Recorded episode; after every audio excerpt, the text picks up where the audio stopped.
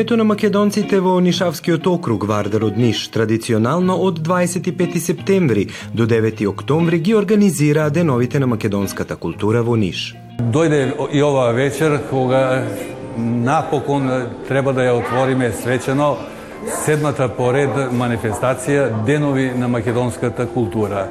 Голема беше неизвестност дали ќе успееме да ја реализираме поради општата пандемска ситуација која ја и во светот и кај нас. На жалост, манифестацијата беше неизвестна, бидејќи Министерството за култура Подржавајќи ги мерките кои ги донесе владата на Република Србија, не одобри средства. Меѓутоа, нашата желба беше голема. Не сакаме да направиме, направиме прекид во континуитетот на организирање и реализирање на оваа манифестација, па најдовме начин, најдовме соработници да и оваа манифестација ја реализираме. Ова манифестација ни помогна да ја реализираме првенствено Националниот совет на македонци во Србија, ни помогна овај секретаријатот за култура на градот Ниш, а многу ни помогна и Нишкиот културен центар и Народната библиотека Стеван Сремец во Ниш.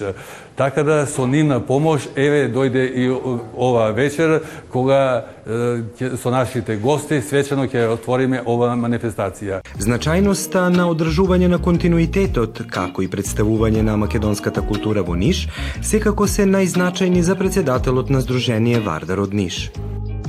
Манифестација Денови на македонска култура има за цел да го представи творештвото на припадниците на македонското национално малцинство кои живеат во Србија и живеат, работат и творат во Србија и во Македонија.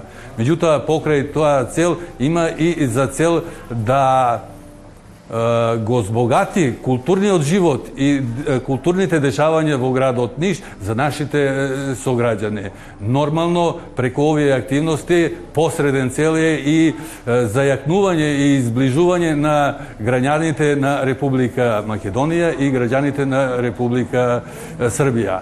И, како некој последен цел е представување на нашето здружение во јавноста Јас ја користам оваа прилика да ги подсетам нашите гледачи и вашите гледачи дека во декември оваа година нашето здружение ќе постане полнолетно. Што тоа значи? Тоа значи дека ќе наполнат ќе наполниме 18 години како нашето здружение функционира и работи на представување на македонската национална заедница не само во Ниш, него и во цела Србија.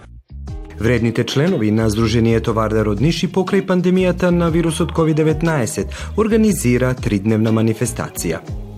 За оваа манифестација малку сме нашите суграѓани, сограѓани ќе бидат осиромашени, бидејќи моравме и ние да се вклопуваме во ова ситуација со пандемијата и за оваа манифестација обезбедивме и организиравме три активности во три различни области на културата.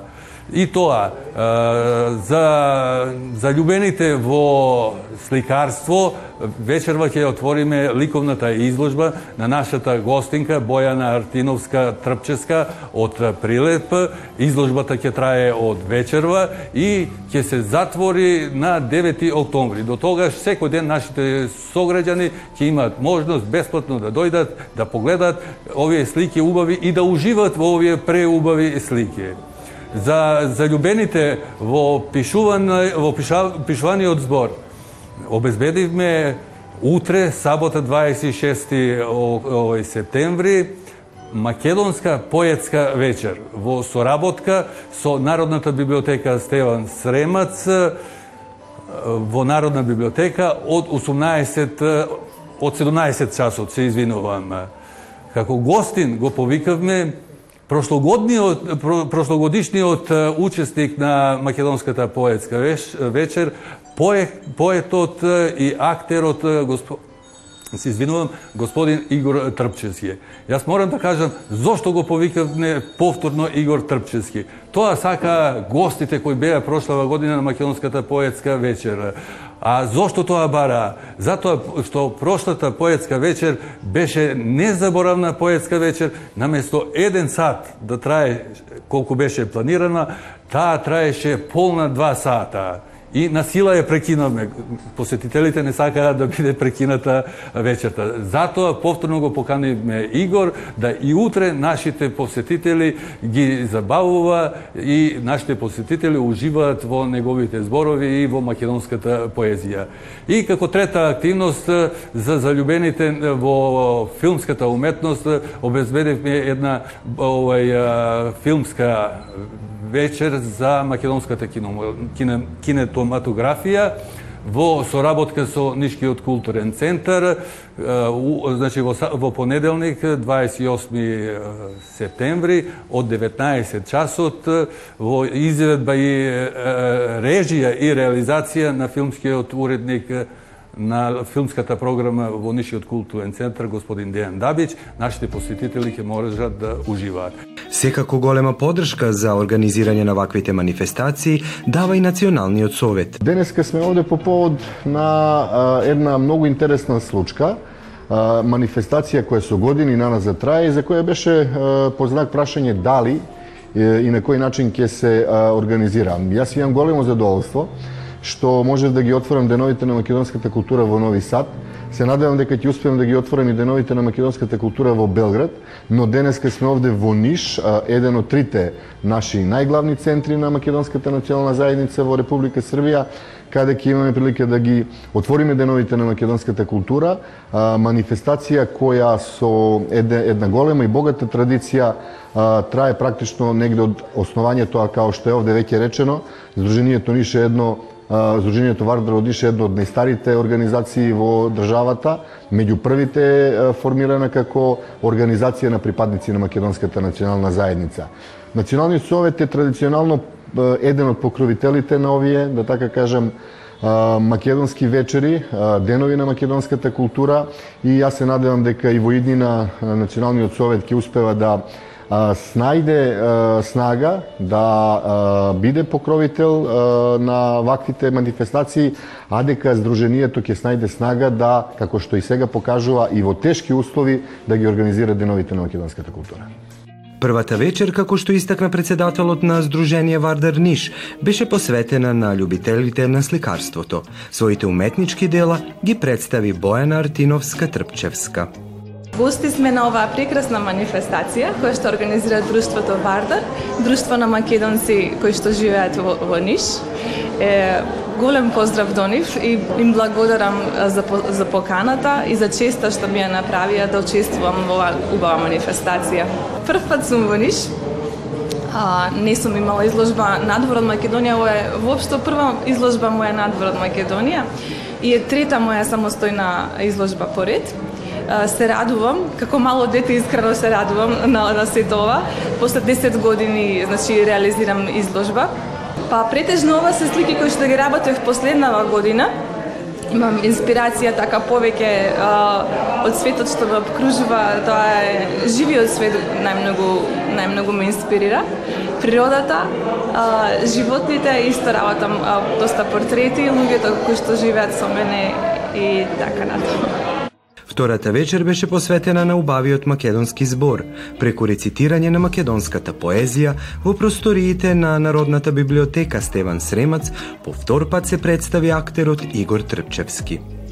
За среќа сум втор пат во Ниш. Минатата година бевме тука исто на деновите на македонска култура, организирани од Сдруженијето Вардар на македонското национално единство во Ниш. А, овој пат сум втор пат тука и многу сум среќен заради тоа. Се надевам дека соработката ќе продолжи. Ево овој пат имавме освен изложбата повторно поетско вечер, а се надевам дека следната година ќе можеме да играме и една театарска представа. А, во принцип ќе почнем со народна поезија, па потоа современи македонски по-класични поети како Блаже Конески и Кочо Рацин и потоа современи млади автори кои денеска пишуваат и работат во Македонија. Нашето творештво е како пишување по вода, или во песок во пустина. брзо исчезнува нашиот запис, затоа што не останували многу ретко се запишува на видео камери. Инаку имам 49 улоги до сега во Матичниот театар, 7 гостувања во театрите во Скопје, во Битола, во Велес и во Куманово. Имам неколку улоги на филм, па можем да кажем богата а, актерска кариера, како за во Македонија. Овој пат ќе испеам една песна од Диме Поповски, песната Планино моја рудино. Јас многу сакам да пеам. Инаку се викам Игор Трпче, во Прилеп живеам, да свирам не знам многу, ама многу сакам да пеам. Пијам крали Марко, Марко Цепенков го читам, на работа одам и за леп понекош питам. Ама не ми е гајле, мене не ми е срам, скрос сум несалам. Ој, планиње, ој, планиње, што сте огрделе, што сте овенале, ој, планиње. Дали огон вам ве изгорело, Дали коса вам ве покосила? Одговори висока планина. Нито огон мене изгорело, нито коса мене покосила.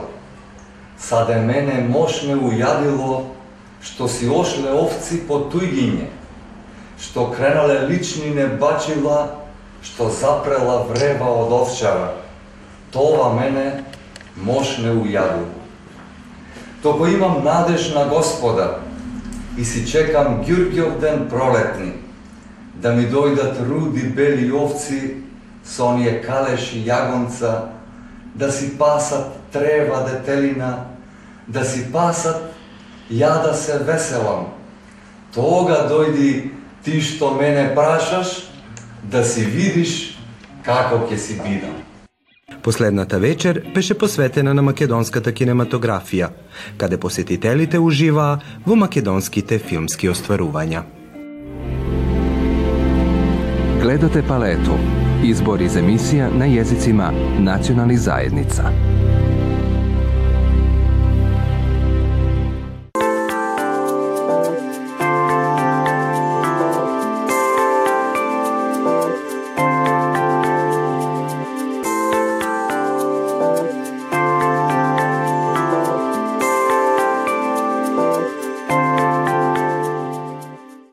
Во неодамна посета на градот Скопје, редакцијата на македонски јазик на Радио Телевизија Војводина ја посети националната установа Театар Комедија, каде љубезно не пречека актерот Жарко Димовски. Во наредните минути ќе се обидиме да ви го представиме.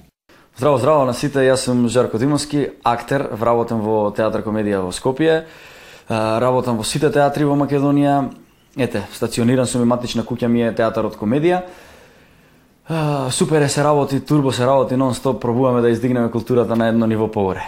Уште од мали нозе сум сакал да бидам најразлични работи. Значи прво сакав да бидам каубоец, па сакав после да бидам да живеам во времето на прохибицијата, па сакав да бидам едно време археолог, па астронаут и така натаму најразлични професии. Ствари тоа го сватив дека можам да бидам само на сцената. На сцената секоја вечер можам да живеам во туѓа кожа и да да се опуштам и да му дадам на жарко една пауза од два сати секоја вечер и да си ги живеам со ништата. Така така некако се се погоди испостави испадна да биде тоа тоа. Помеѓу многуте актерски жанрови, комедијата е една од најтешките. Со оглед дека театарот комедија, тоа му е примарна задача. Колку е тешко да се насмее публика, актерот Жарко Димовски додава. Работам секако жан, жанр, е, имам актерска хигиена, тоа што го викам јас, сакам да работам и да играм во различни жанрови. А, комедијата како жанр на висти, жанр на вистина е тешка, на вистина искрено да насмееш човек е многу тешко. Сите се смеат на секојдневни глупости, на на вулгаризми и така натаму, но на вистина да насмееш човек искрено и од срце и од душа е на вистина тешко. А ние го постигнуваме тоа, можам да кажам, да не звучам возгордено, ние го постигнуваме тоа во театар, затоа што кога си одат луѓето од театар комедија се на вистина среќни и пораките што ги добиваме и честитките и самата желба да те запознаат приватно затоа што мислат дека си таков приватно како што си на сцена, но тоа најчесто не е така. А, тоа ти остава еден впечаток и ти дава и ти дава еден кураж за понатаму да пробуваш да ги да ги насмеаш луѓето. Хуморот, хум, комедијата и хуморот се навистина тешки ако ако сакаш искрено и од душа да го извадиш тоа од човекот. Ако сакаш површно да насмееш некој тогаш да не се не треба нити, нити да се бавиш со оваа професија, да тешко е да насмееш човек. Еден од најкомплексните театарски жанрови е секако мюзиклот, но нашиот соговорник успешно чекореше и на тоа поле. Имам работено во мюзикли, сакам да пеам, пеам правам музика. Сега набрзо се надевам здраве Боже ќе извадам и свој прв сингл. а, конечно. Мюзиклот како жанр е многу комплексен затоа што тоа е некаков комплетен театар. Значи зборувам зборувам кога глумец, кога глумец го викаат во мюзикл да пее затоа што ти предходно ја знаеш глумата како теорија и глумата како феномен, мораш да научиш а предходно се надевам дека го имаш тоа во тебе да играш, значи танцот и апсолутно мораш да се посветиш на пеењето затоа што сепак ние сме глумци примарното не ни е пеење. Колку и добро да пееме, знаеш. И а, тоа е една навистина тешка работа. А, оперските пејачи, секаде па и кај нас, учат глума, но тоа не е таква глума како што е нашата глума, затоа што оперските пејачи глумат, да, но тоа но тоа не е толку професионално да не ме сватат погрешно професионално одглумено како што и нашето професион од пеано не е не е толку професионално, но сепак кај нас основата е глума и во мюзиклот основата е глума, а сепак мораме на ниво да знаеме да играме и да знаеме и да пееме. Затоа не сме да има ниту ниту најмало скршнување од тоа. Кога се прави, се прави како како викам јас како како садчија. Треба треба секое едно штрафче да влезе во жлепчето затоа што машината нема да работи, ќе се расипе. Така да е многу, многу, многу тежок како како жан мюзиклот. Ако сакаш да си сериозно и сериозно да го работиш, тоа затоа и Бродве е еден од најтешките театри, апсолутно.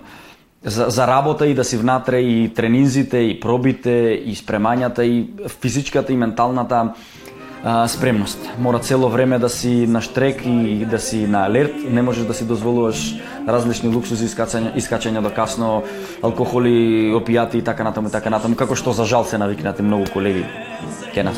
Па и пошироко. Наградите се секако неизоставен дел во кариерата на секој уметник но дали ти е даваат потик за понатамошна работа? Да, тоа се случи на Ристо Шишков, на еден од најреномираните наши фестивали во Македонија, значи посветен на великанот Ристо Шишков. Тоа е во склоп со НЕТА. Тоа е нова Европска театарска асоциација или академија сега да да не ми се налутат, да не ме држат за збор, но некако е така. А, во склоп беше со тоа, јас одамна посакував да се појавам на тој фестивал. Прв пат гостувам.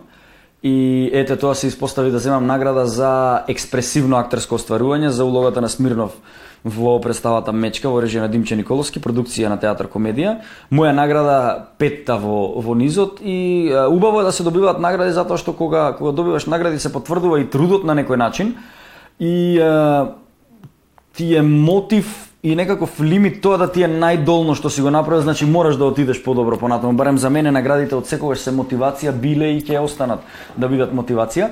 А, не дека за за некои улоги за кои што сум сметал дека треба да бидат наградени не биле наградени, па нешто лошо влијае на тоа. Секогаш не земаат сите луѓе награди за се, но сепак кога ќе добиеш награда е, е многу убаво. Апсолутно.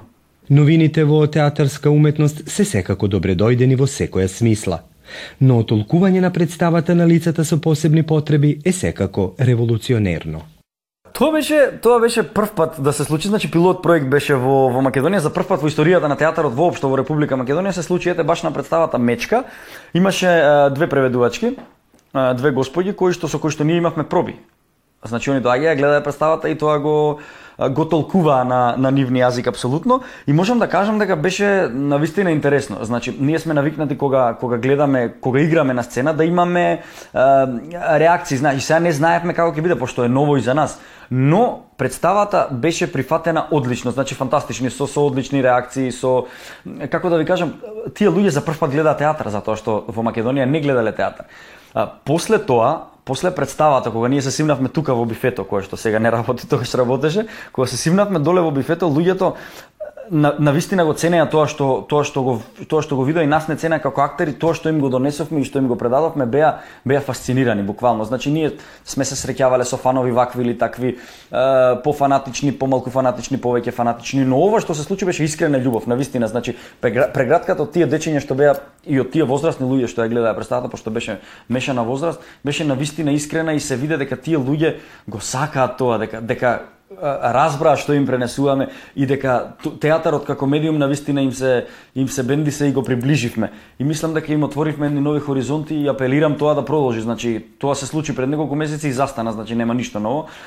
предлагам да се случи тоа и на други представи, во други театри, во поголеми представи и така натаму. Тешко е на вистина, затоа што ти носиш на сцена уште еден човек, тоест двајца толкувачи и тоа е Тоа е чудно, ти влегуваат во концептот, ме разбираш, но во еден момент ги абстрахираш и тие си работат нивната работа, ти си работиш твојата работа.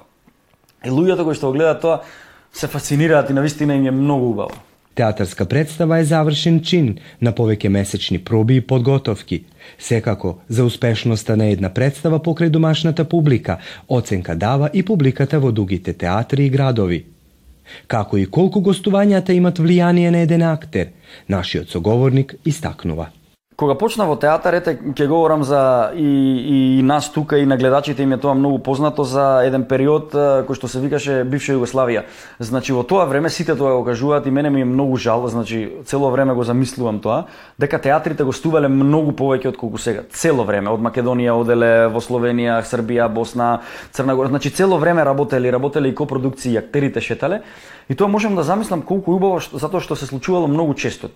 Јас сум имал доста гостувања но не се толку чести како што ги кажуваат тоа. Што значи за мене гостување? За мене гостување значи едно прекрасно искуство, запознавање со нови колеги, еве како што јас и ти се запознавме, уствари тоа е тоа. Запознавање со нови колеги, учење на нов стил на театар, ширење ширење на на својот јазик на туѓа територија, учење на туѓиот јазик на сцена, апсолутно сценскиот јазик туѓ да го научиш. Значи значи дека кога човек патува и кога човек патува со работата што ја сака, значи од тоа нема поубаво. Нема поубаво, значи си ја полни душата, си ги полни очите, е, и си го полни искуството, значи сосема, сосема сосема се враќа нов кога се враќа тука. И мислам дека мора да има повеќе гостувања. Ние правиме некои локални гостувања, но тоа не е тоа што било порано. Знаеш, се игра представата и одма се брза да се врати назад. Ни, ни театарските фестивали што биле овде порано, значи одиш на фестивал да кажеме во еден Чернодрински и ова го зборувам од искуство, од слушано искуство некој што ми го кажувал. Вика кога ќе отидеме на Војдан Чернодрински во Прилеп, еден од поголемите фестивали заедно со Шишков, 7 дена трае, 7 дена спијат сите глумци вика таму и се дружат и договараат други гостувања и национални, интернационални локални. Така да тоа го нема сега, но во последните две години можам да кажам дека има обиди да се врати тоа. Се прават некои копродукции во Црна Гора поготово, Црна Гора зема зема глумци од бившите републики на Југославија и прават некои проекти, летни проекти се тоа.